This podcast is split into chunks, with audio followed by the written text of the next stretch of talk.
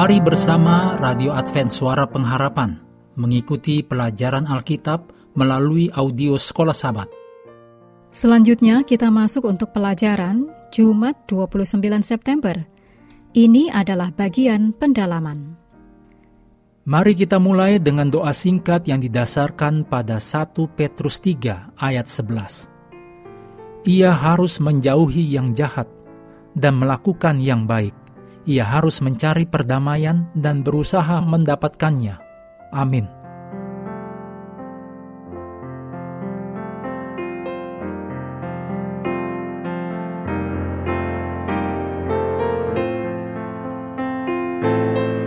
Kita menyimpulkan dengan merenungkan Efesus 6, di mana kita menemukan bahwa kita, yaitu gereja, adalah tentara Allah yang mengobarkan perdamaian.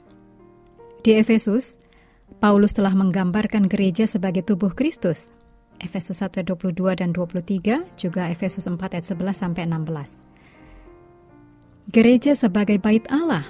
Efesus 2 ayat 19 sampai 22. Dan gereja sebagai mempelai wanita atau istri Kristus.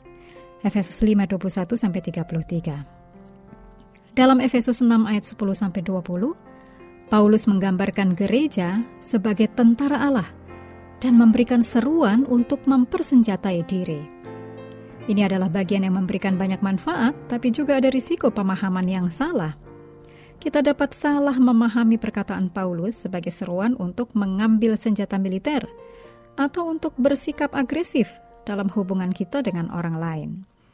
Meskipun demikian, Paulus telah menekankan persatuan, perkataan yang meneguhkan, dan kelembutan hati khususnya dalam Efesus 4 ayat 25 sampai pasal 5 ayat 2. Paulus menggambarkan kabar baik Allah sebagai Injil damai sejahtera.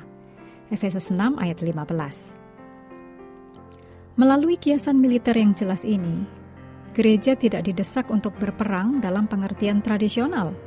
Sebaliknya, kita harus mengobarkan perdamaian dalam peperangan rohani melawan kejahatan. Paulus melangkah ke medan perang pertentangan besar dan memanggil kita untuk mendaftarkan diri dalam tentara Allah. Kita harus melakukannya dengan pemikiran yang nyata tentang musuh, karena tidak boleh meremehkan kekuatan yang dipersiapkan untuk melawan kita. Kita tidak hanya menghadapi musuh manusia, tetapi Efesus 6 ayat 12, pemerintah-pemerintah melawan penguasa-penguasa, melawan penghulu-penghulu dunia yang gelap ini, melawan roh-roh jahat di udara. Ini dipimpin oleh seorang jenderal yang cerdik, yaitu iblis. Ditulis dalam Efesus 6 ayat 11. Namun, kita tidak perlu gentar akan musuh kita. Tuhan hadir bersama kita dalam peperangan. Efesus 6 ayat 10. Dan Tuhan telah membekali kita dengan persenjataan terbaik, baju sirahnya sendiri, perlengkapan senjata Allah. Efesus 6 ayat 11, juga Yesaya 59 ayat 15 sampai 17.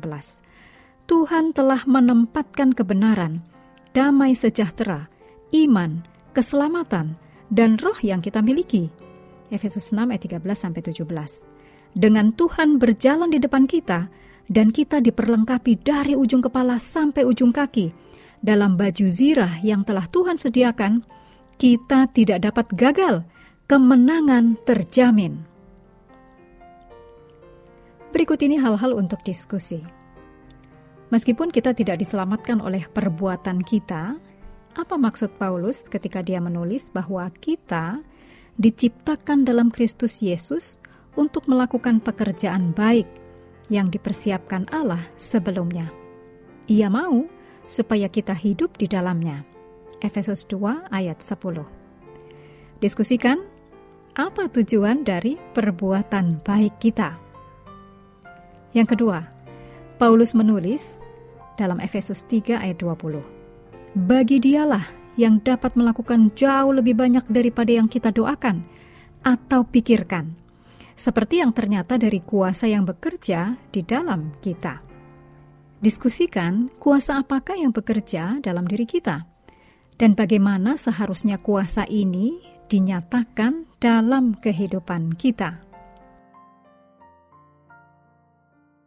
Mengakhiri pelajaran hari ini, Mari kembali ke ayat hafalan dalam Efesus 2 ayat 8 sampai 10. Sebab karena kasih karunia kamu diselamatkan oleh iman. Itu bukan hasil usahamu, tetapi pemberian Allah. Itu bukan hasil pekerjaanmu. Jangan ada orang yang memegahkan diri, karena kita ini buatan Allah, diciptakan dalam Kristus Yesus untuk melakukan pekerjaan baik yang dipersiapkan Allah sebelumnya. Ia mau supaya kita hidup di dalamnya.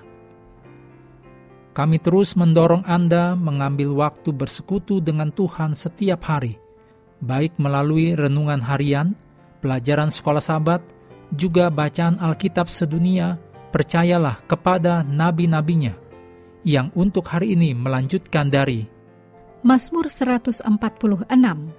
Tuhan memberkati kita semua.